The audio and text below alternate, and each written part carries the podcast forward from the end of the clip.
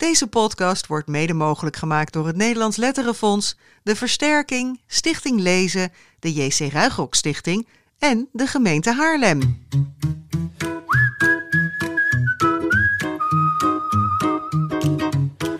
We hebben net even samen voor de etalage gestaan van kinderboekwinkel Kiekeboek in Haarlem. Want daar staat hij in.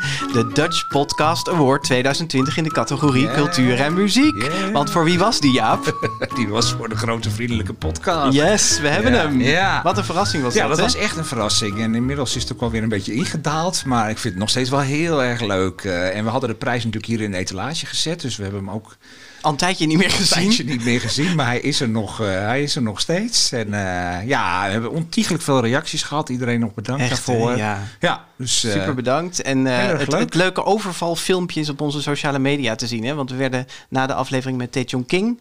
werden we bij hem thuis eigenlijk overvallen door ja, ja, Michiel Veenstra. ja, en we zijn nu voor goed een bekroonde podcast. Zo, award-winning Jaapje. Dat passen ons, pakken ze ons niet meer af. Goed, maar welkom eh, luisteraars bij de 34ste aflevering alweer van de Grote Vriendelijke Podcast. Mijn naam is Bas Maliepaard, kinderboekenrecensent van Dagblad Trouw. En tegenover mij zit dus, je hoorde hem al, Jaap Frieso van Jaap Leest.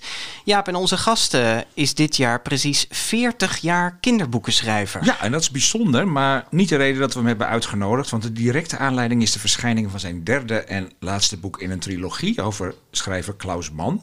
Dat heet De Naam van Mijn Vader. En die naam was natuurlijk Thomas Mann. Over Klaus en deze trilogie praten we straks uitgebreid met Rindert Kromhout. Want dat is onze gast. Rindert, van harte welkom in de GVP. Ik zit hier met groot plezier en ja, bij een bekroonde podcast. Ja, je bent de eerste die bij de bekroonde ja, podcast een beetje nerveus zit. ervan, hoor. Dat snappen wij wel. Ja, ja. Ik zal extra mijn best gaan doen Ja, om ja. mooie antwoorden te geven. Nee, maar 40 jaar kinderboekenschrijver, Ja. dat is al een hele tijd. In 1978 verscheen je eerste verhaal in de Donald Duck. Klopt. Ja, en in 1980 verscheen dan je eerste echte boek, Een muis bij het fornuis. Ja, dat, nou, dat waren drie boekjes tegelijk Oh. voor beginnende lezers. Van die oh ja, zo klonk het al, ja. A4-boekjes. Zo klonk het al, Een muis bij het fornuis. Ja. Maar eigenlijk ben je dus je hele beroepsleven schrijver geweest. Of heb je ook nog andere dingen gedaan? Ik ben sinds 1982 fulltime schrijver. Ja. En in het begin moest ik er wel andere dingen bij doen eh, om genoeg geld te verdienen. Maar die hadden allemaal met schrijven te maken. Ik ben recensent geweest Ja. voor de Volkskrant van eh, kinderboeken.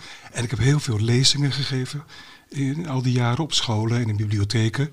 En dat had ik ook nodig voor mijn inkomen en Mhm. Ja. voor, om namensbekendheid te krijgen. Maar, Maar, maar was dit ook wat je wilde worden als je later groot was? Kinderboeken schrijven? ja, Ja, dat Ja. wist je. eh, dat wist ik al eh, vrij snel. Ik Ja. was een jaar of 16, denk ik, toen ik verhalen ben gaan schrijven. Waarom ik dat wilde, dat weet ik niet hoor. Ik, ik had daar zin in, punt. Maar ik, ik wist meteen, dit is het.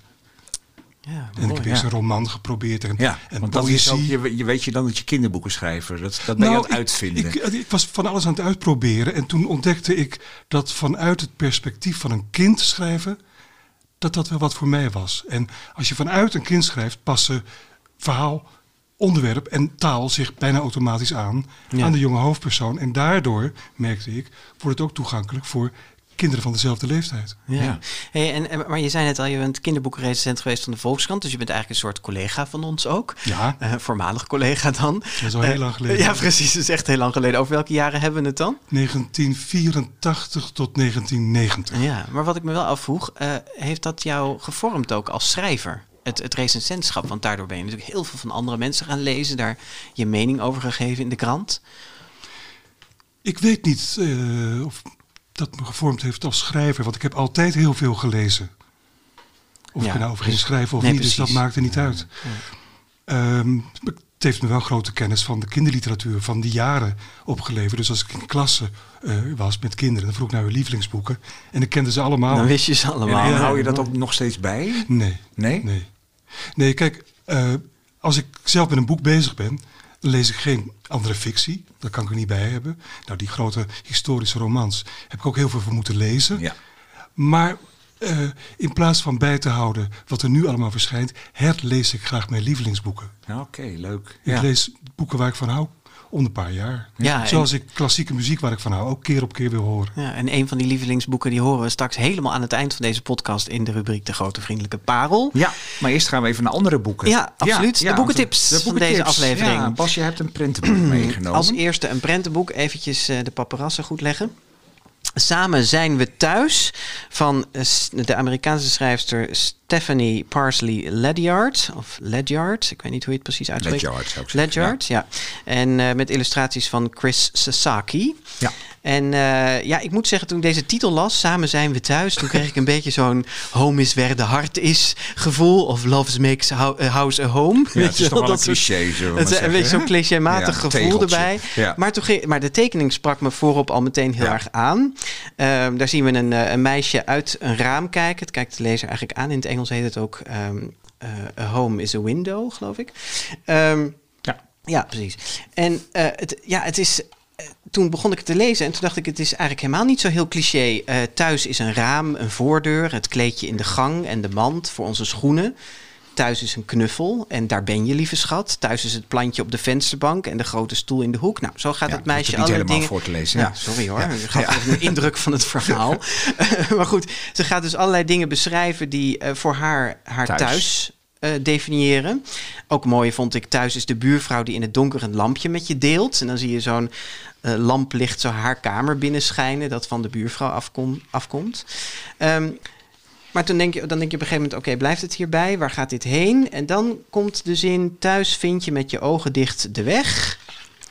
Volgende bladzijde, tot alles plotseling verandert. Maar wat er dan precies verandert, dat moet je eigenlijk concluderen aan de hand van de tekeningen. En daar zien we allemaal verhuisdozen in de kamer staan. Dus Ja. haar thuis moet ze gaan verlaten om naar een ander thuis te gaan. Thuis wordt dan een kussen onder je arm, staat er. Ehm, en zij gaat naar het nieuwe huis toe. En nou ja, raad het al, langzamerhand wordt dat ook weer haar nieuwe thuis. Ja. Dus het is Ehm, een boek over je ergens thuis voelen, wat ja. thuis betekent voor een kind. Ja. ja. En waarom zijn die tekeningen nou zo verschrikkelijk mooi? Ja, het heeft e- ergens iets met het palet te maken. Het kleurenpalet, dat i- het is een beetje aarde tinten. Er zitten ook een soort paarstonen doorheen. Ik vind het eh, heel, ja, een heel evenwichtig kleurenpalet. Ik vind het ook, het is een soort, ja, het is denk ik, ik heb het geprobeerd te checken bij de uitgever, maar die kreeg niet op tijd contact met de Amerikanen. Maar ik denk dat het helemaal digitaal gemaakt is, maar het heeft toch iets ruws, iets Ja, het is heel nieuws. Ik zou hiervan juist zeggen dat het niet digitaal Ja, maar als je was. heel van dichtbij bij kijkt, dan lijken er wel wat pixels te zien. Maar goed, dat kan ook aan het drukken liggen. Dus hou me het goede. Ja. Pin me er niet op vast. Nee. Maar, ehm, eh, en de, Chris Sasaki, de illustrator, eh, die, he- die heeft ook als animator gewerkt bij eh, onder andere eh, Pixar. Ja. Disney-films heeft hij daar gemaakt. Dat wijst wel weer op digitaal. Nou ja, goed. En je, en je ziet dat ook wel een beetje. De hele scènes die hij maakt en hoe eh, dat het best filmisch in elkaar zit. Ja, het zijn echt scènes en dat vind ik mooi. Het perspectief wisselt ook af en toe. Hè. Dan Ja. zie je weer van buiten door het raam. Je, er staan zelfs eh, bladzijden in waar helemaal geen personage op staat. Maar Ja. alleen die dozen inderdaad. Dus het is wel iedere keer... Ah, die pagina met die Anders? dozen, die noem je nu, dat is ook echt prachtig. Je ziet van de zijkant, kijk je tegen een trap aan, dat is een soort witte muur. En die dozen, dat zijn ook allemaal witte vlakken. Dat vind ik, dat moet, als mensen dit boek gaan bekijken, moeten ze die pagina maar eens ja, extra eh, of de pagina waarop ze in het nieuwe huis staan. En dan zie je van boven eigenlijk helemaal met ooiperspectief perspectief zie je het hondje tussen alle Ja. verhuisdozen Ja, staan. dat is ook een hele mooie. Er zijn echt wel mooie keuzes. zien. Dat is een leuke, leuke keuzes. En het boek eindigt dus ook, eh, de laatste pagina, Samen zijn we thuis, staat er dan. En dan zie je opnieuw het meisje door het raam naar buiten kijken. Ja. Dus er zit ook nog weer een mooie beeldrij met de cover in. Ja, het ziet er Eh, cliché uit, maar het is het, het, is het niet. Nou ja, het is de titel die je een klein beetje Ja. op het verkeerde been zet. Maar het is eigenlijk een heel mooi boek. Ja, het is Eh, vertaald door Jaap Robben en het is uitgegeven bij Godmer. Wat Ja. goed dat je je daar even weer... Ja. Ja, altijd keurig volledig in de informatie terwijl ik het nieuwe boek pak, of het volgende Ja. boek. Dat is eh, Toen ik de sterkste was van Jason Reynolds. En Jason Reynolds hebben we volgens mij al vaker besproken in, Eén eh, keer. in de GVP. ja, 67 met 67 seconden. Dat was een, uh, een versenroman, zoals dat heet. Hè. Dus dan helemaal opgebouwd uit versen eigenlijk, het verhaal. Het is een heel beklemmend boek. Uh, dit is een boek, wat, dit is zijn debuut. Dit is uit 2013, dus zeven jaar oud. Inmiddels is de ster van Jason Reynolds eigenlijk heel snel gestegen. Want hij is een van de belangrijkste Amerikaanse kinderboekenschrijvers. Denk ik heel erg belangrijk in het Black Lives Matter debat. debat ja. uh, bemoeit zich uh, overal mee. Is uh, nou ja, veel gevraagd auteur. Dus het is interessant om dan te kijken wat zo'n eerste boek van een schrijver is. En ja, dit moet zeggen, blies mij redelijk weg eigenlijk. Het is echt een. Uh, maar waarom ja? Nou ja, omdat alleen al de cover. Uh, het is een, uh, een pistool met een, een gehaakt hoesje eromheen. Dat zou eigenlijk gebreid moeten zijn. Breien speelt een grote rol in het boek.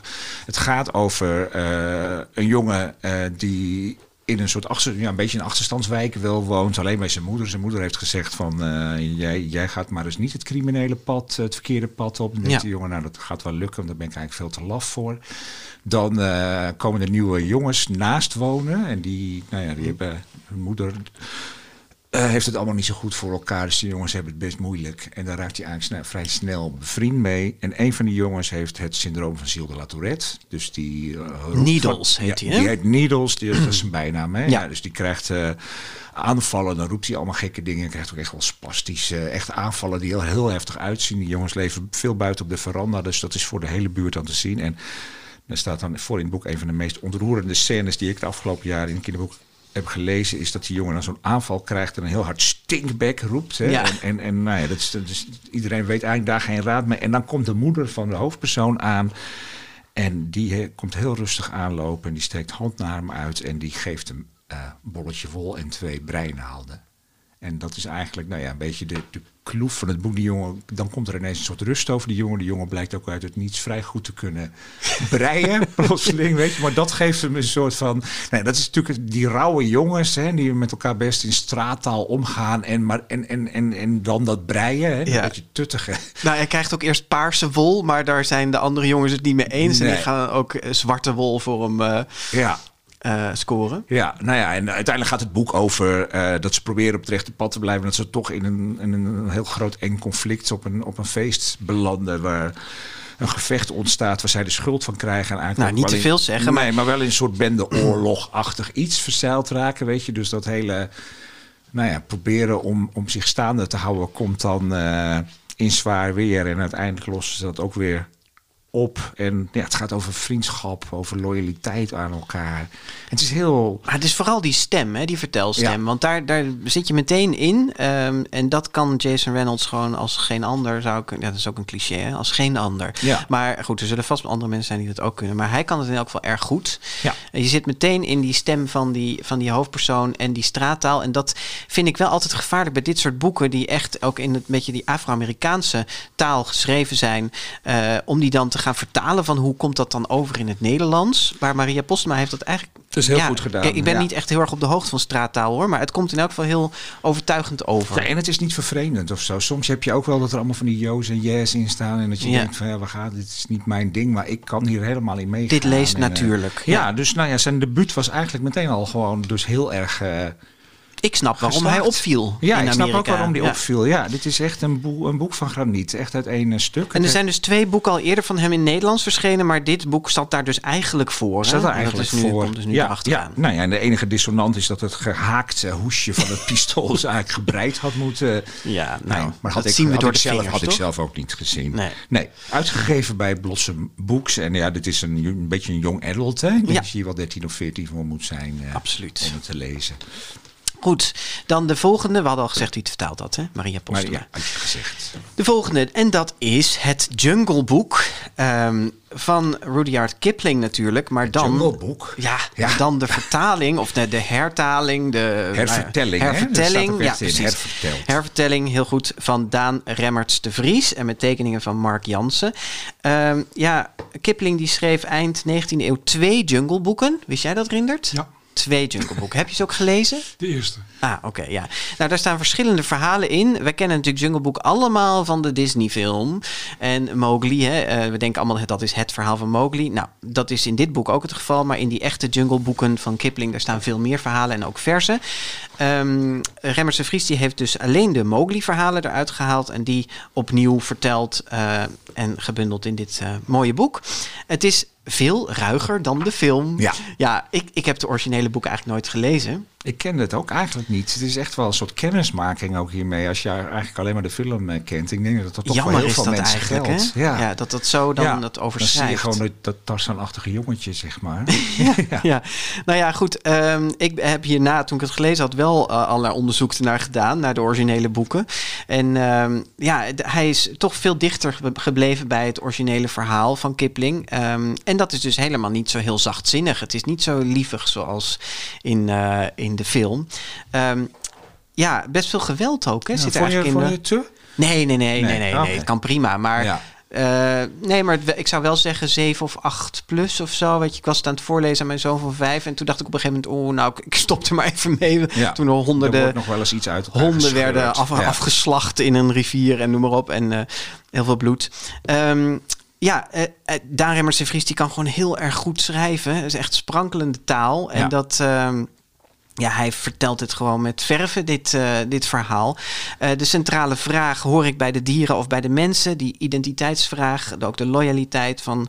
eh, ehm, eh, dat, dat komt hier ook veel meer naar boven eigenlijk dan, dan in de film. Heel erg zelfs. Ja, heel dat is erg. echt wel Ja. gewoon heel erg het thema. Van, want Ja. hij, hij krijgt ook zijn echte ouders te zien in het dorp. En Ja. het dorp verstoot dan eigenlijk die ouders, wat best wel pijnlijk Ja, hij gaat is. ook dus één keer terug naar de mensen, maar dan weer terug naar de dieren. En dan Ja. probeert hij het toch nog een keer uiteindelijk. Weet je, dus er zitten ehm, ja, allerlei momenten in. Ja, en het is meer dan een sprookje daardoor ook of zo. Ja. Weet je? Het, is wel echt, het gaat wel echt over een mens. Ja, ja, en ook, ook gewoon wel over de wetten van de natuur, weet je wel. Het recht van de sterkste en zo. En, Ja. en dat er ook, ook de dieren onderling gewoon best meedogenloos met elkaar omgaan. Er, er zit één wolf in, eh, de oudste wolf van de clan, zeg maar. En die wordt op een gegeven moment te zwak. En dan staan er andere wolven op die hem eigenlijk eruit willen Ja. werken. Weet je, dat soort... eh, Darwinistisch. eh, ja, eh, dingen zitten erin. Nou ja, en de illustraties van. Mark Jansen, ja, ja, want ik begreep eigenlijk dat Mark Jans het idee had. Die, had, die wilde heel graag nog een keer het Jungle Book illustreren. Illustreren, ja. En die hebben toen bedacht van... wie gaan we er dan schrijver bij eh, vragen? En dat is inderdaad Emmets de Vries geworden. Dus dat is eigenlijk helemaal niet zo'n rare keuze. Want Daar Emmers de Vries die heeft al ehm, eh, een boek geschreven, ook Tijgereiland, wat ook in India eh, speelt, deels. En ehm, nou ja, de- dit speelt in de jungle van En wij India. vermoeden ook. nog steeds dat hij de auteur is van Flynn. Wat ook een boek is waar... wat hier wel een beetje veel, Op lijkt. heel erg veel weg van Ja, heeft. ja. Ja. Maar de illustraties zijn mooi, hè? Ja, echt wel. Ja. Dus het, eh, ja, dan moeten mensen gewoon maar gaan bekijken. Hoe kunnen we nu gaan beschrijven? Maar het is eh, heel, heel eh, gloeiend allemaal. hè? Het is echt, eh, gloeiend. ja. toch? Ja, ik Ja, laat Ik ben fan van Mark Jansen. Ik vind echt geweldig werk maakt. Ja, hè? De laatste jaren zeker, ja. Ja. Ja, hij is Ja. echt eh, enorm. Ja, we hadden hem hier te gast ook. Ja, we hebben hem te eh, gast gehad. En toen Ja. had hij helemaal, heeft hij helemaal een boek in zwart-wit met potlood gemaakt. gezien. Ja, Dit ja. is juist weer het heel kleurrijk. dat boek. Wat zeg je? Dat boek oh, in zwart-wit, ja. ja, precies. Ja. Ja. en dit is eh, juist heel kleurrijk. En ehm, ja, het, eh, nou ja, het enige wat ik jammer vond is dat hij... Oh. eh, ja, mag ik nog iets zeggen? Ja. Doe maar weer. eh, is dat hij Mowgli een rode onderbroek heeft aangetrokken, net als in de Disney-film. Weet je, dus daar... ik heb meerdere eh, bewerkingen van Jungle Book bekeken. Eh, online en ook die ik in Ja. mijn kast had staan. En er zijn allerlei oplossingen gekozen aan eh, toch, een, een- toch een kledingstuk en zo. Maar dat- die rode onderbroek, dat zit voor mij wel heel erg vast aan de Disney-versie er van eh, met een rode onderbroek? Nee, niks mis Oh. met de rode onderbroek. Maar ik bedoel, omdat het boek ook begint met... ehm, eh, vergeet de films die er van het Jungle Book zijn gemaakt. Oh, Dit ja. is het echte verhaal Ja, over Mowgli. Dacht ik, had je misschien Een blauwe daar... onderbroek aan moeten Nou trekken. ja, precies. Nou ja, of, of een, of een ander lendende doekje, of weet ik veel. Maar, of een blad, of zo. Maar mooi boek. Het, ja. De, cover springt ook echt meteen in je, in je gezicht. Het is uitgegeven bij uitgeverij Volt. Ja, En eh, nou ja, aanrader. Ook echt zo'n lekker decemberboek om... eh, zeker. Voor in voor- de schoen of ja, in, de, in de zak. doen. op. Ja. Ehm, dit waren de boekentips. En alle informatie over die boekentips en natuurlijk ook over deze aflevering kun je vinden op onze website, degrotevriendelijkepodcast.nl. En volg je ons niet op social media? Doe niet, ik zou niet weten waarom niet, maar doe dat dan Ja, vooral. ik Ja, want we zetten leuke extra's op en soms ook winacties. Je vindt ons op Instagram, Twitter, Facebook of Goodreads onder de slash GV podcast. Yes, Rindert. We Ja. zeiden het aan het begin al. Je bent 40 jaar kinderboekenschrijver. En in die jaren heb je heel wat figuren geschapen... die iedereen die zich enigszins met kinderboeken bezighoudt wel kent. Kleine Ezel bijvoorbeeld, met tekeningen van Annemarie van Haringen. De prentenboeken. Erge Ellie en Nare Nelly. Ook, Ja. ook van Annemarie, hè, de tekeningen. Ja. Ehm, Meester Max, Meester Max. Net de hele dikke bundel met tekeningen van Georgine Overwater nog voorgelezen aan mijn zoon.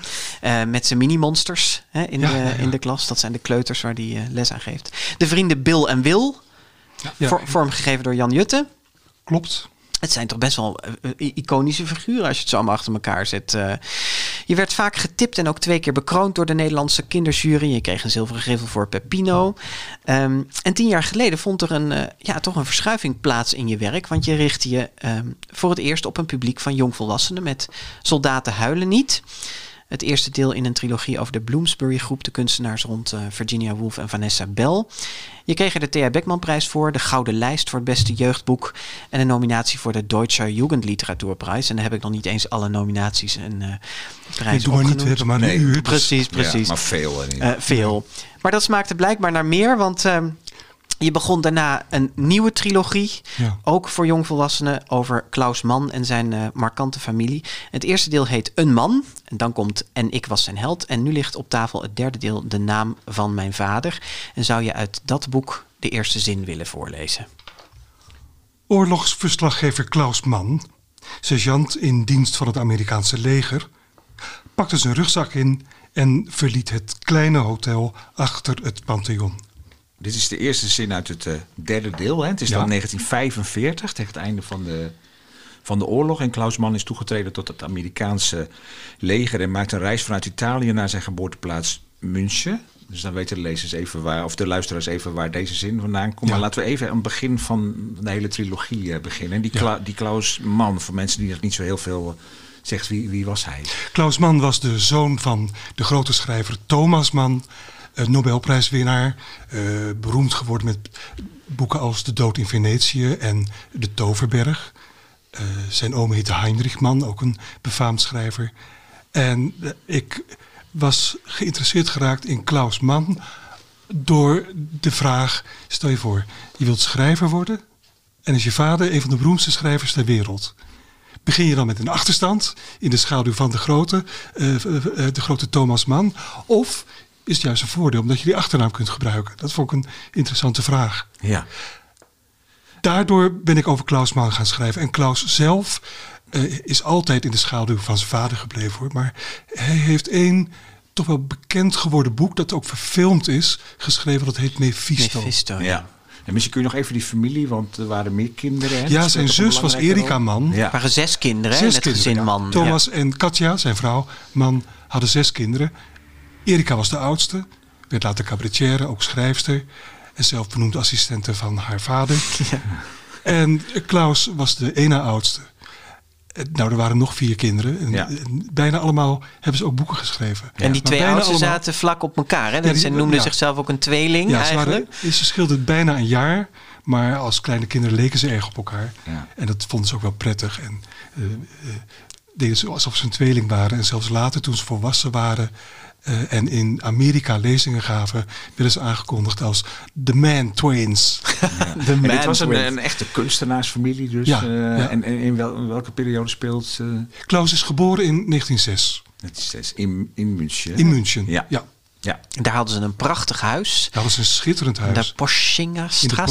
Ja. En alle huizen van Thomas Mann waren schitterend. Ja, ik, ik heb het meteen ge- gegoogeld, want dat is waar jouw eh, trilogie ook enorm toe uitnodigt. Je, je wordt enorm die wereld van die mensen ingezogen en je wilt ook meteen zien, omdat je weet dat ze allemaal echt bestaan hebben, van hoe zagen ze eruit en waar leefden ze. Ja, ja. Dus ik heb al eh, minstens twee uur zitten googelen op allerlei foto's. En toen zag ik dat huis ook daar in München. Echt zo'n prachtige villa met een balustrade aan de voorkant en een enorme tuin eromheen en zo. Ja, het, is, het was een welgestelde familie. Ja, Is het huis er nog? Het huis is in de oorlog eh, behoorlijk beschadigd geraakt.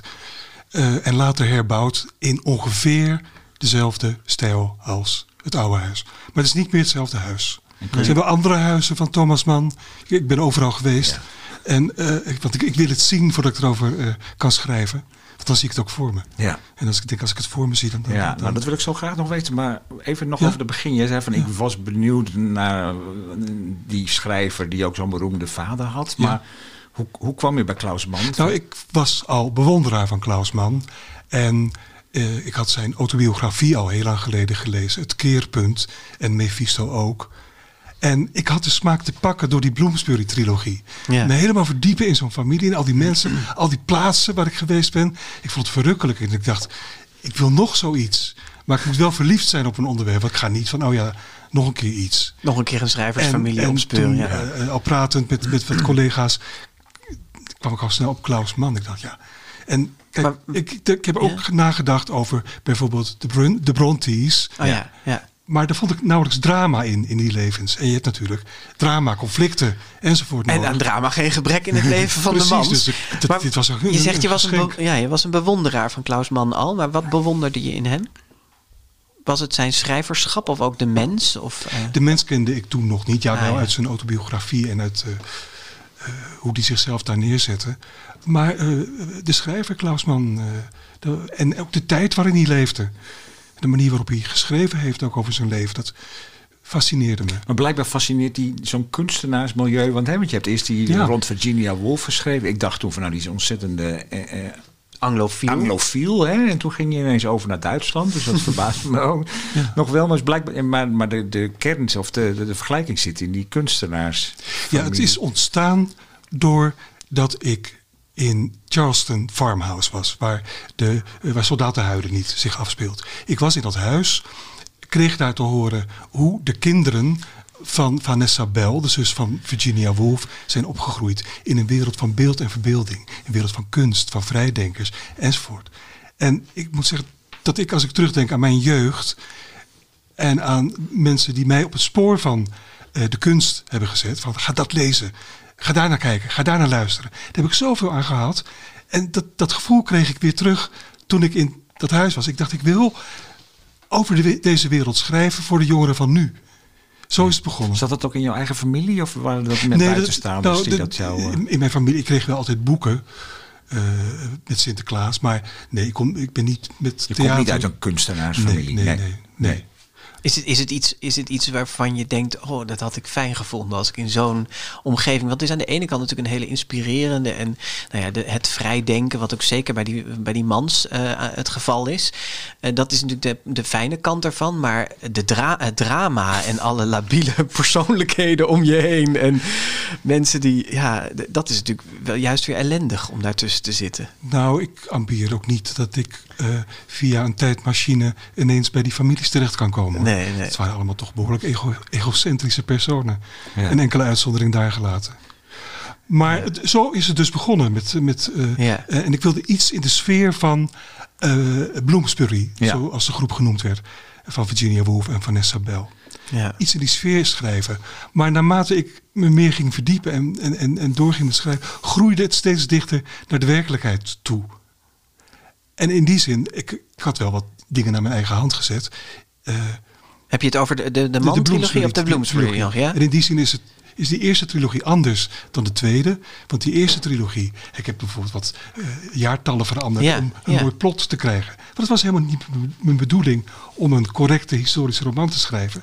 Ik wilde een ode aan die manier van leven eh, Ja, schrijven. ja. En bij Klaus Mann heb ik vanaf het allereerste moment gedacht, dit wordt een historische roman. Dus alles in de boeken over Klaus Klopt. Waarom Dus- dacht je dat? Waarom moest dat? Omdat ik ehm, merkte dat ik mezelf ook het moeilijk gemaakt had.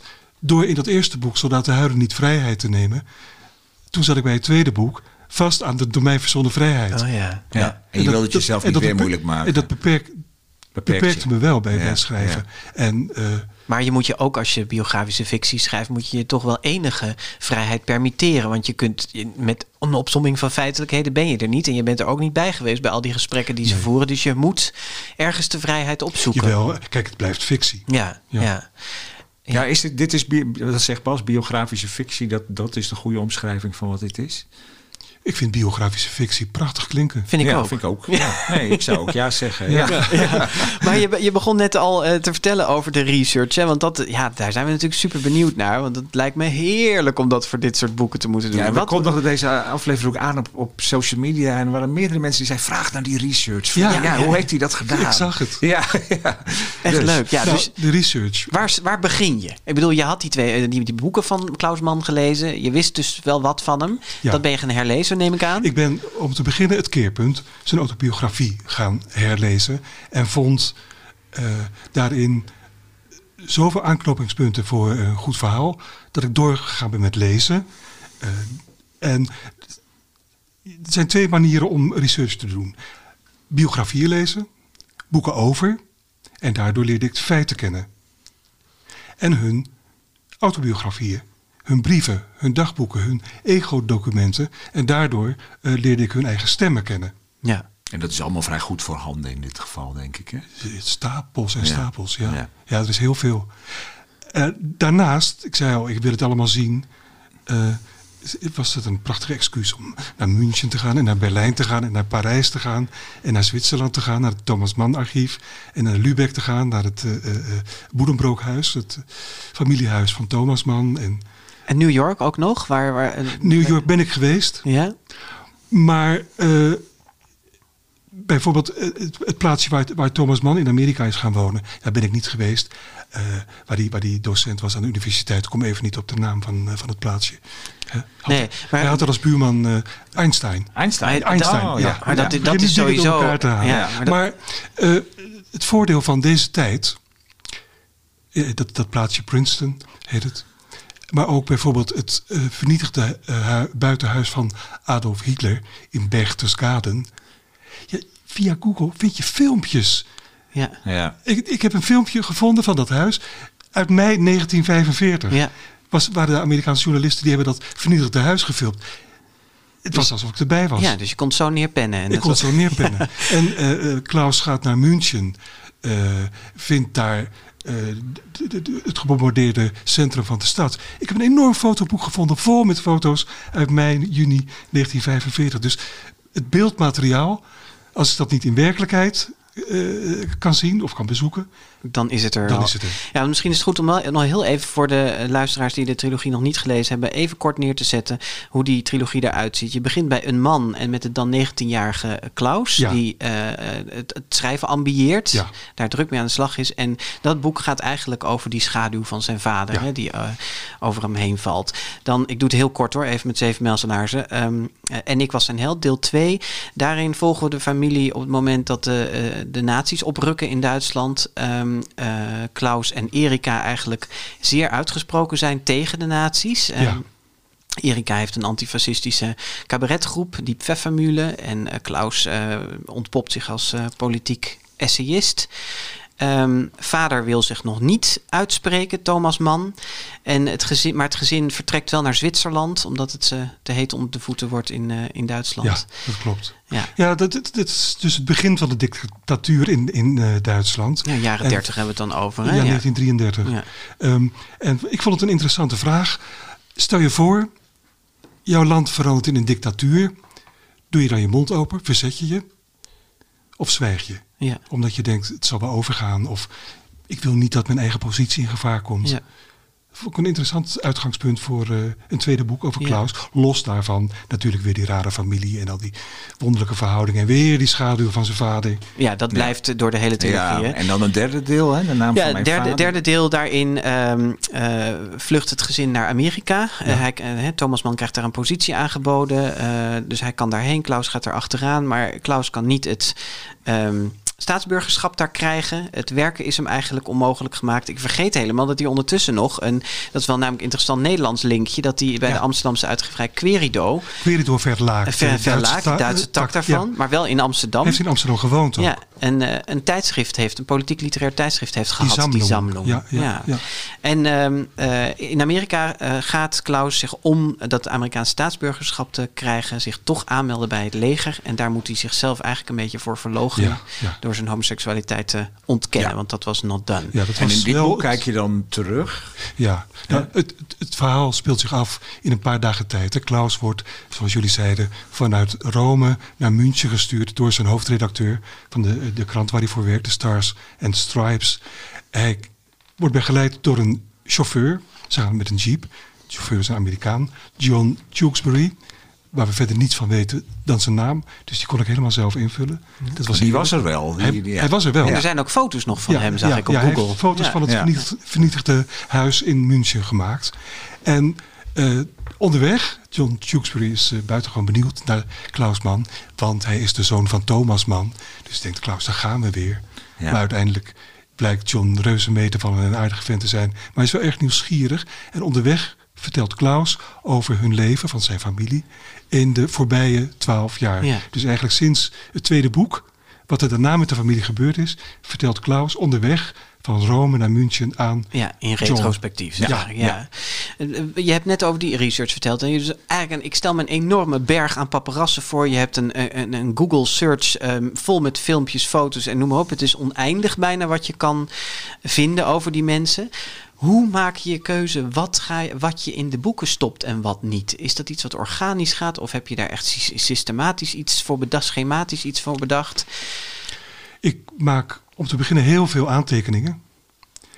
Doe je dat ook als je op die plekken bent? Loop je met een notitieblokje? Ja, ja, ja. Ik, ik schrijf meteen op en, eh, Ja. en dit huis heeft eh, eh, luiken aan de voorkant en eh, een kapot raam aan de achterkant en dat, dat soort dingen. Dat, Ja.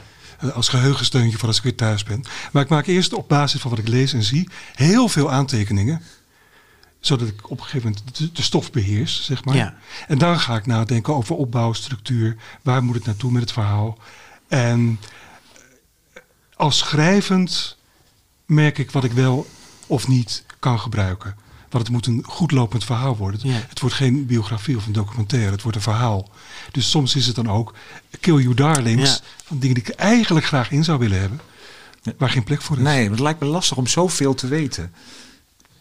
Nee, is prettig. Ja? Ja, Want je moet ook prettig. veel weer loslaten. Je kan Ja, maar het is juist prettig om meer te weten dan ik opschrijf.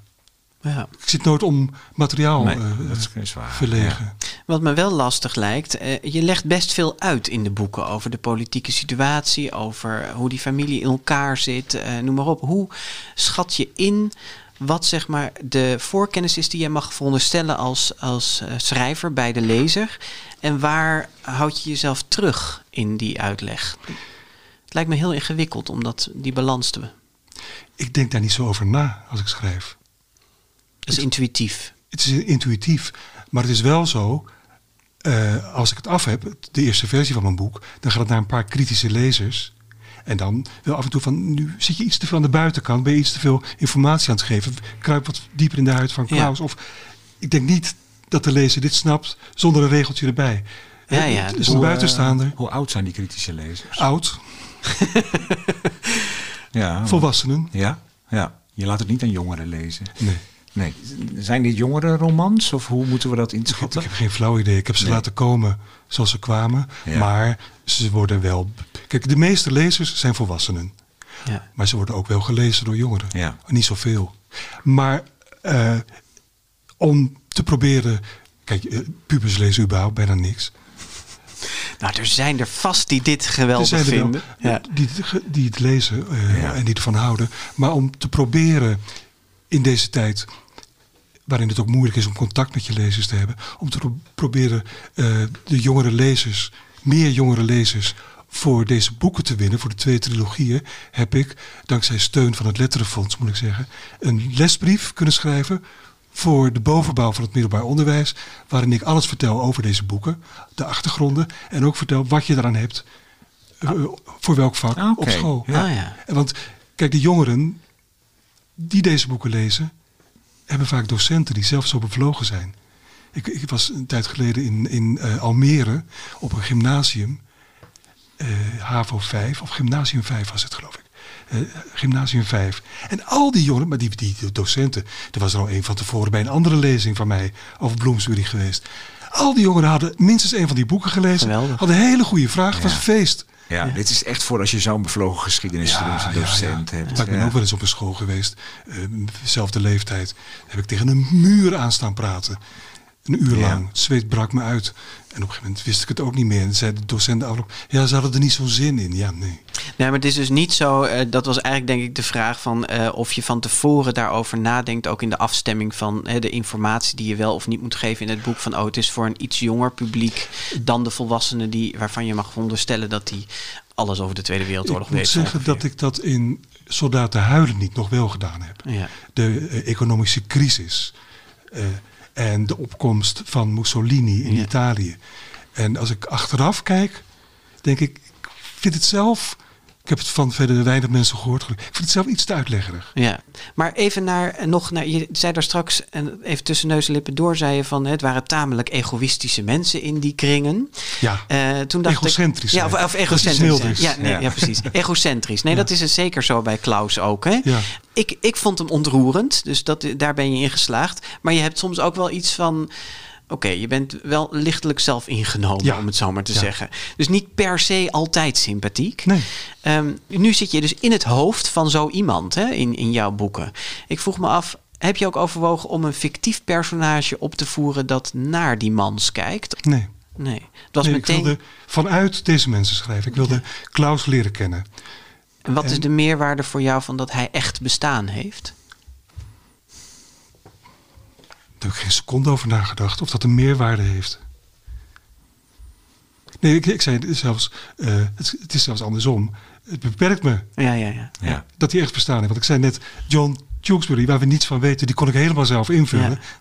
Dan ben je veel vrijer. Ja. Maar ik denk niet in termen van, heeft dit meerwaarde of wat dan ook. Ik wilde over Klaus schrijven. Ja, en die Punt. bestond. Ja. Ja. Nou, laten we eens even wat meer inzoomen op die Klaus dan. Ja. Dus je wil hem te beginnen even een stuk voorlezen waarin hij meteen vrij duidelijk in beeld komt. eh, Zeker. wat, voor, wat voor iemand het is. eh, uit, het laatste boek, hè, de naam van mijn vader. Ja. Ja, jullie hebben de stukjes uitgezocht. Hè? Hebben wij Zeker, gedaan, doen we altijd. Ja. Klaus lag op bed in zijn kamer in Hotel Bedford. Hij was naakt en niet alleen. Op de andere helft van het matras lag een New Yorkse vuilnisman van een jaar of dertig, die hij een uur daarvoor had ontmoet in een openbaar toilet. Eigenlijk had hij zich voorgenomen naar een paar pijnlijke en dure ervaringen. Hij was weer mishandeld en bestolen. Niemand meer mee te nemen naar zijn kamer. Maar vanmiddag had hij geen weerstand kunnen bieden aan zijn behoefte aan seks. En alleen wildvreemden wilden nog met hem naar bed, want Tomsky had zich van hem afgekeerd. Klaus had tegen al zijn beloftes in opnieuw naar de morfine gegrepen en Tomsky pikte dat niet. Je belooft me voortdurend van alles, maar je houdt je er nooit aan. Dat trek ik niet meer, Klaus. Zelfs onze seks is waardeloos door die rotzooi. Het is stom van me, ik weet het. Ik ben een slappeling, zei Klaus. Probeer daar dan maar eens verandering in te brengen. En daarna zien we wel weer, zei Tomsky. Het wordt tijd dat je je gaat realiseren wat je met jezelf aan het doen bent. Wat je met ons aan het doen bent. Ik wil je geliefde zijn en niet je verpleger. Daarna was hij vertrokken. Ja. Meteen een heftige scène. En die, die rotzooi waar het over gaat, dat is, dat is morfine, dat Ja. is ook drank, maar vooral morfine. Hij Ja, was vooral verslaafd morfine. aan de, aan de morfine. Dat, het, het, het komt meteen hier een beeld uit voor van die getroubleerde, getroubleerde persoon die hij Ja. was. Hè? Was dat interessant voor je? Of hoe ben je omgegaan met die destructieve kant? eh? Nou, die destructieve, destructieve kant vond ik moeilijk. Ehm, maar, ik dacht, maar ik vond het ook een uitdaging. En wat was het moeilijke? Om een verhaal te schrijven over iemand die zo zelfdestructief is. eh, terwijl je toch van die persoon eh, gaat houden. Ja. Want jij zei, ik vond het toch ontroerend. En, en dat ontroerende vond ik, toen ik- toen ik hem beter leerde kennen. Want als hij nou alleen maar zelfdestructief was, oké, maar hij wilde zo graag gelukkig zijn. Ja. En het lukte hem maar niet. Nou, toen ik die gedachte had, toen hield ik heel, heel veel van hem. Dacht ik, ach jongen. Ja, dan ontstaat af- er mededogen. ja, maar af en toe wilde ik hem ook wel een schop onder zijn kont geven. Ja. Van jongen. Hè, Tomsky, de, de- deze, deze minnaar van hem, geliefde, dat is de liefde van zijn leven. Eh, die houdt heel veel van Klaus, doet alles voor hem. En Klaus maakt het weer kapot Ja, ja. door Ja. zijn verslavingen. Ja. Nou, op zo- zo'n moment kon ik wel wurgen. Heb ik niet gedaan, want het boek moest af. Maar Heb, je, heb je je vinger erop kunnen leggen waarom hij zo ongelukkig was? nou, het heeft voor een groot deel te maken met dat zijn leven lang in de schaduw van zijn vader staan. Die relatie met zijn vader, die moeizaam was van, eh, vanaf zijn puberjaren tot... tot, tot eh, Maar waarom tot had hij dood. dat dan en die andere vijf kinderen veel op een andere manier? Nou, eh, Of was het allemaal? Monica was, was echt het, eh, een van zijn zussen.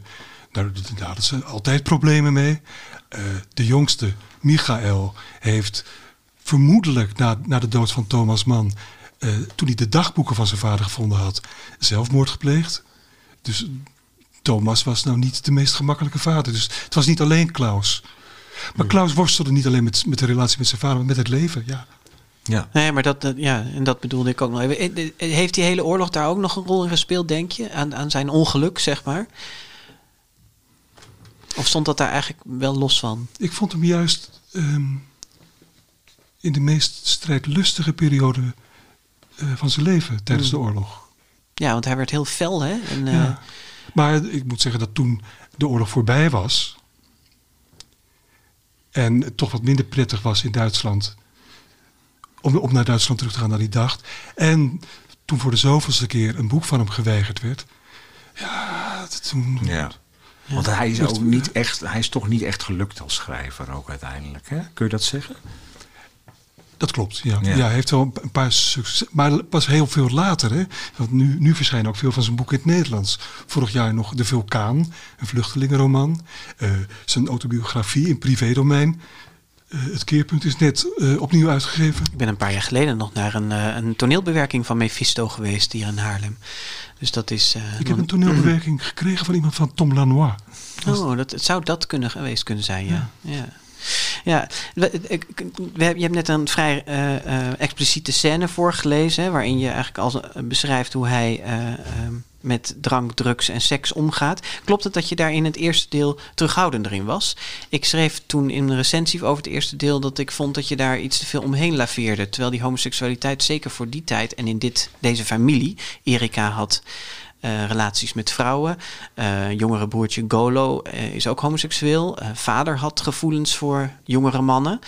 Eh, was dat volgens mij wel echt een onderwerp waar, waar je niet omheen kon. Ehm, ik weet niet of je dat nog weet dat ik dat ja, schreef. dat, maar- dat weet ik nog. Daarom heb ik het nu ook beter gedaan. ja, Goed naar me zo. geluisterd. Influencer was. Ja. Nee, maar ik vroeg me af, is dat iets waar je toen het bewust terughoudender in was? Of waarvan je later dacht van, nou, dat, daar moet ik inderdaad wat losser in zijn? Want ik vond namelijk dat je het ruimschoots goed gemaakt hebt in die, in die laatste twee delen. Daar, Oh, krijg, nou, je, nee, maar daar krijg je op de- dat vlak wel veel meer eh, te horen. Het is ruiger. zou hier geen goed antwoord op. Ik heb naar mijn Nee. beste kunnen de, alle, alle drie de boeken geschreven. Dat snap ik. En ik heb niet gedacht, er moet wat meer seks zijn. Maar ik ben die mensen eh, natuurlijk ook beter gaan leren kennen. Ik kon steeds dieper in hun huid kruipen. Ja, ja. En, en een groot deel van boek 1 gaat nog over de jeugdjaren van ja Klaus. hè. klopt. Ja. Het eindigt eh, eh, als hij net gedebuteerd heeft. En Ja. dan was hij een jaar of... Maar dan verslijt hij 20. in Parijs ook al wel wat jongens, geloof ik. eh, Jawel, ja, dat wel. Ja, precies. Het zit er wel een beetje, maar de- hij is 19 of 20 hè, als het eerste boek eindigt. Ja, ja. Ja. Ja, Eh, ja? ja, waar je nog iets Nee, nee, hem vragen? op, Nou pak ja, hem op. ik dacht, ik wil wel even naar dat politieke deel, zeg maar, Ja. eh, van Klaus Mann. Hè? Want dat is, dat is in het laatste, in het tweede deel komt dat eigenlijk al heel erg eh, naar voren. Dat hij Ja. zich onderscheidt van zijn vader. Want zijn vader durft eigenlijk, of ja, die maakt geen keuze in, Ja. ook in die oorlog. En, en hij wel. En zijn zus, eh, zijn zus ook wel. Zijn vader schrijft, en dat vond ik zelf wel interessant. Zijn, bij het, over zijn vader wordt gezegd, hij schreef veel meer vanuit de verbeelding. Ja. Want daarmee voed je ook de verbeelding van je lezers. En dat overwint het kwaad. Ja. En Klaus Mann schrijft veel geëngageerder. Ja. En, en zijn zus Erika natuurlijk ook. Eh, wat spreekt jou het meeste aan? Of waar heb je het meeste mee? Eh, het- wat mij het meest aanspreekt is eh, de houding van Klaus en Erika. Zij komen in opstand, dit pikken we niet. Maar ik kan me ook de houding van Thomas wel voorstellen. Als je oprecht gelooft dat uiteindelijk de kracht van de verbeelding het fascisme zal overwinnen. Als je daar oprecht in gelooft, waarom niet? Alleen eh, denk, maar ik, denk ik ja. eerlijk gezegd dat het een beetje een naïeve gedachte is. Nou, en ik wou zeggen, is, het, is, is dat daadwerkelijk zo dat hij dat gedacht heeft? Of was hij, het hij was, een- Het was heel dubbel, want hij was ook bang voor de positie van zijn werk in Precies. Duitsland. Ja. Want zijn bo- boeken bleven gewoon de winkel uitvliegen. Ja, ja. Ja. maar het, het was dubbel. Het was ook een gecompliceerde man ook hoor. Kijk, Klaus die begint in Amsterdam dat tijdschrift, hè, die Samlung. Ja. En zegt, dit wordt een literair tijdschrift. En zijn vader zegt toe om mee te doen. Ja. Dan blijkt het het literair politiek tijdschrift te worden. En trekt zijn vader zich terug. Van de Klaus, ik doe niet mee. Nee. Dan weer een klap voor Klaus. In, in daarin trekt hij eigenlijk veel meer naar zijn oom Heinrich, hè, Klaus? want ja, Heinrich, Heinrich. Ja. Die was vanaf de jaren eh, in de Eerste Wereldoorlog, kort daarna al, politiek zeer actief. Ja, en werd ook een soort van voorman van, het, van de oppositie die in het buitenland, eh, act- of, nou ja, de intellectuelen en de Ja, kunstenaars, schrijvers die vanuit het buitenland eh, tegen de nazi's, eh, eh, hoe zeg je dat? Nou, Vochten. vo- nou ja, Vochten, maar het, het is natuurlijk niet echt Nee. niet streden met een eh, Ze, geweer, ze maar met, eh, schoten met inkt. ja, precies dat, ja. precies, ja. Maar ehm, bij Thomas, dat speelde natuurlijk ook wel een beetje... dat Thomas Wan ook wel een soort van lafheid werd verweten. Zo van, ja, maar jij durft je ook niet. Het is Ja, maar Thomas Mann was ook wel een man die altijd voor veiligheid Ja. koos. Zodra dat mogelijk was. Want Thomas was eigenlijk veel meer iemand van de mannen dan van de vrouw. Hij was eigenlijk toch wel homoseksueel. Maar hij heeft gekozen voor de veiligheid van een huwelijk. Met zes kinderen, dus helemaal homoseksueel. Was hij ook weer maar eh, hij koos voor de veiligheid van een huwelijk. Hè, tijdens het, de opkomst van Hitler koos hij eerst voor de veiligheid van zwijgen. Maar toen hij eenmaal zijn mond opendeed, werd hij ook een fel eh, bevechter van Hitler. Ja. uit, uit Duitsland met dit bewind kan nooit iets goeds voortkomen. Het was Ja. een van zijn eerste uitspraken toen hij eindelijk zijn mond opendeed. Ja. Maar ik vind dat een heel interessant thema. Dat van wan- welke keuzes maak je en dan word je, ja, ben je, ben je dapper of ben je laf. En dat speelt dan ook heel erg als Klausman terugkomt in Ja. München. hè, Want dan wordt Ja. hem, hij denkt echt van nou, ik, wij worden daar wel een soort van onthaald eigenlijk. Maar ze worden verweten dat ze naar Amerika zijn eh, gegaan. En eh, dat is wel een harde dobber voor hem. eh. Zal ik een stukje voorlezen wat Ja, erover oh, gaat? ja. Wat brengt jou zo ineens terug naar Duitsland? vroeg Peter. De ondergang van de nazi's? Het viel Klaus op dat de vraag tamelijk scherp klonk. Komen je vader en oom en de rest van je familie nu ook weer naar huis? Ik hoop dat ze allemaal snel weer terug kunnen komen, zei Klaus. De ellende is voorbij. Die verbanning was geen pretje. Niemand heeft zich zo ontheemd gevoeld als mijn ouders en oom Heinrich. Het gemis was groot. Groot genoeg om weg te blijven toen iedereen hier in de knel zat. Weer die scherpe toon. Klaus was op zijn hoede. Waar wilde Peter heen met zijn vragen? Wat bedoel je precies? vroeg hij. Peter zette zijn glas neer. Dat uniform van je, zei hij, voel je je nu meer Amerikaan dan Duitser? Ik heb me in mijn hele leven nog nooit Amerikaan gevoeld, zei Klaus. Niemand van ons. Het is uit pure overlevingsdrang dat we zijn weggegaan. Is dat zo? Onze boeken zijn verbrand en we werden bedreigd. Half Duitsland werd bedreigd. Mijn werk is me afgenomen, zei Peter. Ik was tegen de nazi's en kreeg een beroe- een beroepsverbod. Geen krant wilde of mocht mijn stukken nog afdrukken. Dat is ook mijn verhaal, zei Klaus. Daarom ben ik weggegaan. Ik wilde me niet de mond laten snoeren. Mijn mond en die van zoveel van onze collega's zijn gesnoerd. Maar we zijn niet vertrokken, zei Peter. We zijn het gevecht aangegaan. Nou, die Peter, dat is een, een Journalist. journalist. Voormalig collega. Ja, die Eh, dan weer... Iemand die aan dezelfde kant staat als Klaus. ja. Ook tegen de nazi's. Maar hij en vele anderen zijn gebleven. Ze noemen zichzelf de innerlijke emigranten. Prachtige term vond ik dat. Ja, ja. ja. Vond ik ook een mooie term. Die heb ik niet bedacht hoor. Dit Nee. is, dit is zo, zo noemen ze Want zich. leg dat nog even uit. Een innerlijke- De innerlijke emigranten zijn gebleven en hebben met gevaar voor eigen leven in, vanuit Duitsland de nazi's bestreden. En die anderen hadden veilige grond onder hun voeten. In de ogen van de achterblijvers. Ja. En dat wordt de familie Mann dus zeer kwalijk genomen. En eh, ze zijn ook lang, eh, lange tijd niet teruggegaan naar Duitsland. Thomas, is, eh, Thomas Mann is voor het eerst in 1955, Zo. zeg ik uit mijn hoofd, Dus tien jaar later is die Ja. pas eigenlijk weer. in Duitsland geweest om een prijs in ontvangst te nemen. Ehm, maar hij woonde toen hij terugging naar Europa weer aan het meer van Zurich Hm. in, eh, in Zwitserland. Ja. En, en, en Klaus die, eh, is dus in het laatste boek op reis naar München, naar zijn Ja. geboortestad. In de hoop dat hij daar toch weer iets van thuis vindt. Wat hij twaalf jaar geleden, is het dan, geloof ik, heeft Ja. achtergelaten. Ehm, en wij vonden eh, op internet een, eh, een fragment van zijn stem. Dus we horen Klaus, waarin hij vertelt wat hij aantreft als hij daar in eh, eh, München aankomt. En hij vertelt het in het Engels. Ja, Eh, met een zwaar Duits accent. Prachtig Ja. om te horen. Laten we even luisteren. You can't go home again.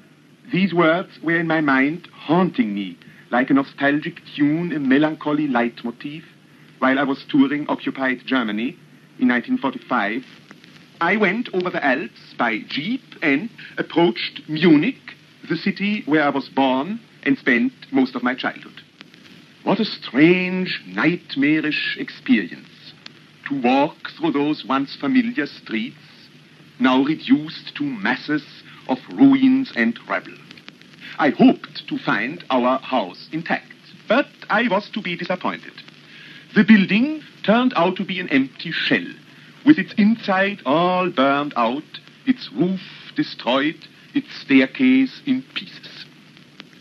As I was standing there, contemplating somewhat nostalgically the happy home of my youth, I discovered there was a girl on the balcony just in front of my former room. She said, I'm living here. This balcony is all right, as long as it doesn't rain. Do you know whose house this used to be? I inquired. I suppose it belonged to some writer, she explained rather indifferently. Then the SS took it over. They had a Lebensborn. According to her explanation, a Lebensborn was a place where racially qualified young men and women collaborated in the propagation of the German race. Many fine babies were born in this house. The idea was positively sickening. I felt a stranger in my former fatherland. Ja, hij voelt zich een vreemdeling in zijn eigen voormalige vaderland. Ja. En ja, de enorme desillusie dus, als hij daar eh, Ja. terugkomt. Een, een uitspraak van Klaus is: bitter is de verbanning, bitterder is de terugkeer. Ja. Ja, want hij verwijt ook eigenlijk weer de Duitsers, die wel zijn gebleven, dat ze veel te gemakzuchtig, veel te volgzaam zijn geweest. hè? Ja, en zeker ook de, de eerste tijd na de oorlog, dat ze maar blijven ontkennen. Ze zit, dat ze zichzelf in zo'n slachtofferrol eh gehesen hebben, de Duitsers, in plaats van te bekennen, ja, wij waren gewoon fout.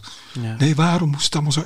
En wij konden er ook niks aan doen. En dat, dat, dat heeft hem ook heel erg eh, teleurgesteld in zijn landgenoten. Ja, en het is ehm, eh, ook weer zo ziek als je dit weer hoort hè, over die Lebensborn. Wat ze Ja. in het huis, in dat prachtige huis wat ik aan het begin Ja, van de ja, aflevering beschreef.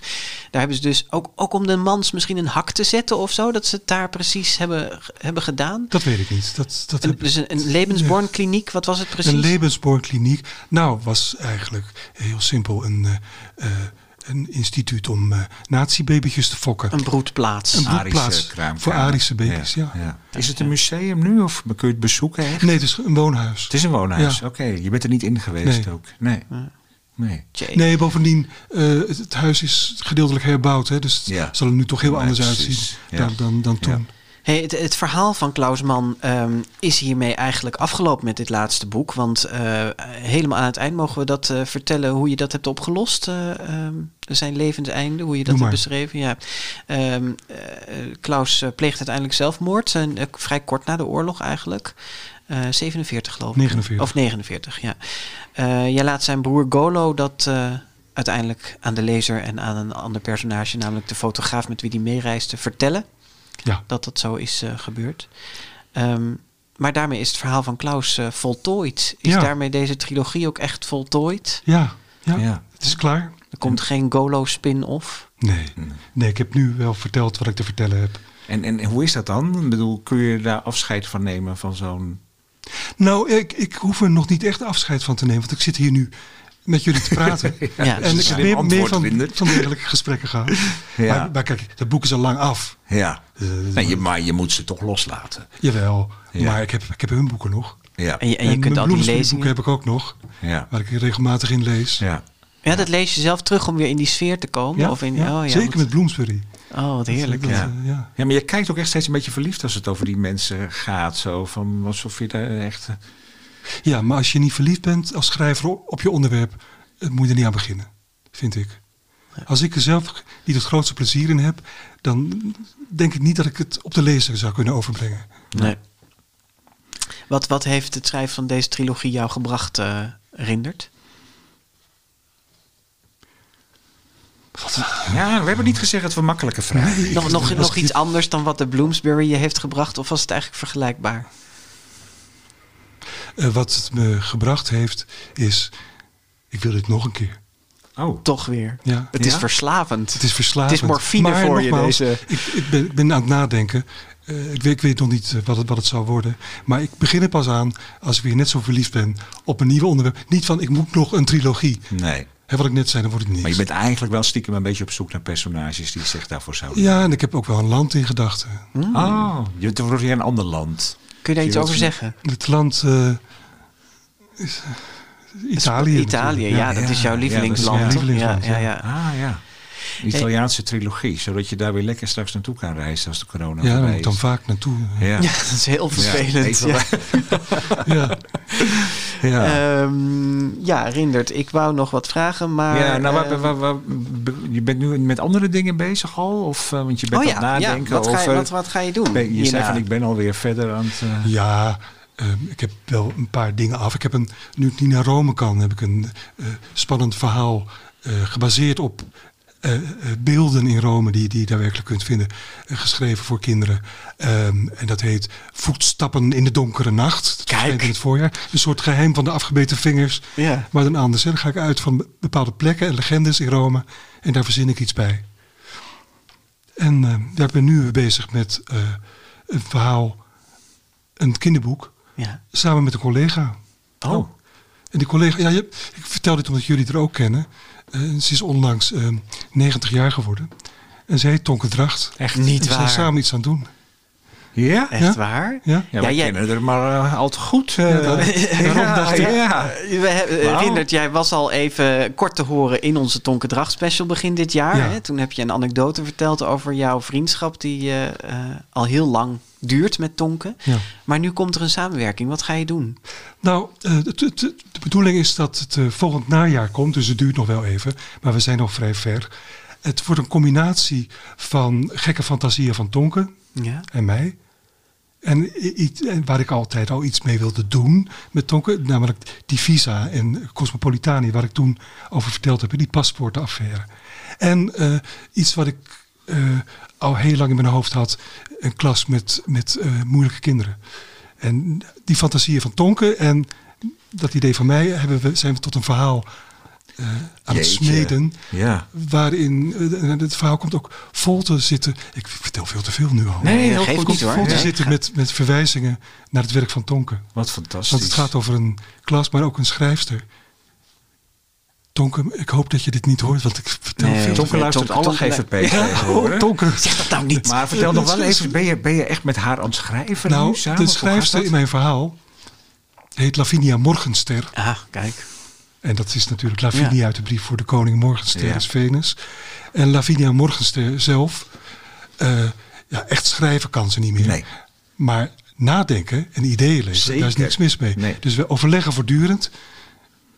We, we wisselen ideeën uit, bekritiseren elkaar en uiteindelijk schrijf ik het op. Ja. Maar ik heb ook elke keer weer, als ik een nieuw stuk had, aan Tonke voorgelezen. En dan reageerde Tonke daarop.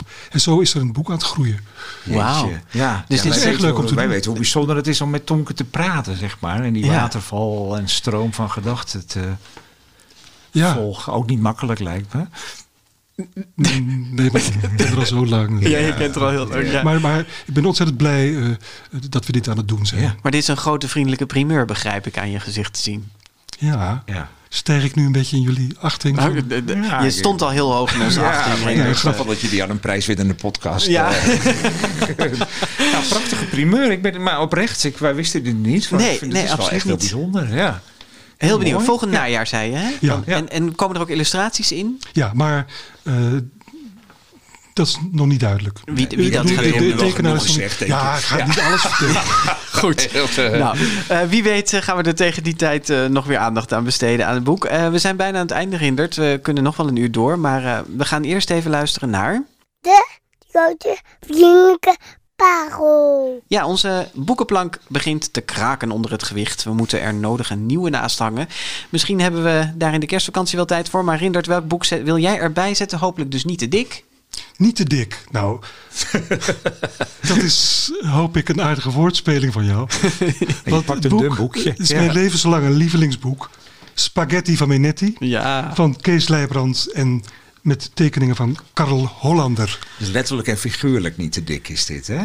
Precies, want het speelt zich af in het stadje Spriet, waar allemaal dunne mensen wonen. En dan komt Benetti, een Burgondische Italiaan, een dikke, gezellige man.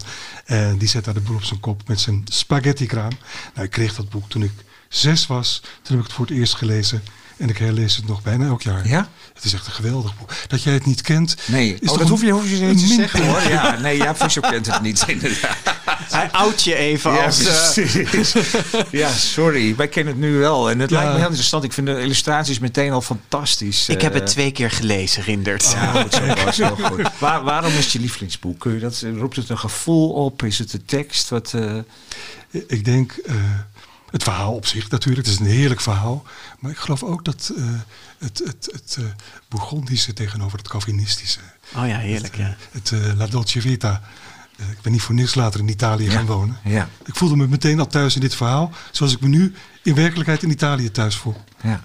Wat mooi. En 1964 dus, eh, ehm, eh, Kees Leijbrand. Ja, hij heeft nog een boek gemaakt, hè? En, Speur, Speurder op bed heet het. ja, Ken je dat ook? Ja, ja, ja. Is dat ook goed? Mm, het is een spannend verhaal. Maar dit, is, dit, dit haalt het niet bij Spaghetti van Minetti. Nee, maar hij, hij heeft dat laatste boek geschreven op zijn ziekbed, want hij is heel jong overleden, 32 jaar. Ja, Ehm, maar we zijn dus een, eigenlijk een groot kinderboekenschrijver aan hem verloren veel te denk vroeg. ik wel. Dat denk ik wel. Want dit eh, ja, is, staat ook nog steeds hier in de kast in kinderboekwinkel Kiekeboek. Het is gewoon nog leverbaar. Ja, Dus maar we ik keek ook het, even op bol.com en daar staat meteen Rindert Kromhout. Het is mijn schat, mijn kostbare schat, mijn Ja, lievelingsboek. ik heb een nawoord erin geschreven. Oh, ook nog, ja. Het is echt, jou, het is echt jouw boek. Ja, is echt mijn boek. Ja, precies, ja. Nou, die staat op onze plank eh, dan ook. Nou, dat vind ik fijn. Ja. Ja. En, En, eh, eh, ja. Als er nog meer mensen zijn zoals jij, die dit nog niet gelezen hebben, dan als je één in. advies van me aan wil nemen, lees dit boek. Ik heb, eh, Hoe oud je ook bent. Ja, ik heb hier na kerstvakantie. Ik ga het meteen kopen. Heel goed. Ja. En dan hier, hè? Gewoon Ja, in de ja, kinderboekenwinkel. precies, Ja, heel goed. Ja. Rindert, we zijn aan het eind van het gesprek. Het, Ja.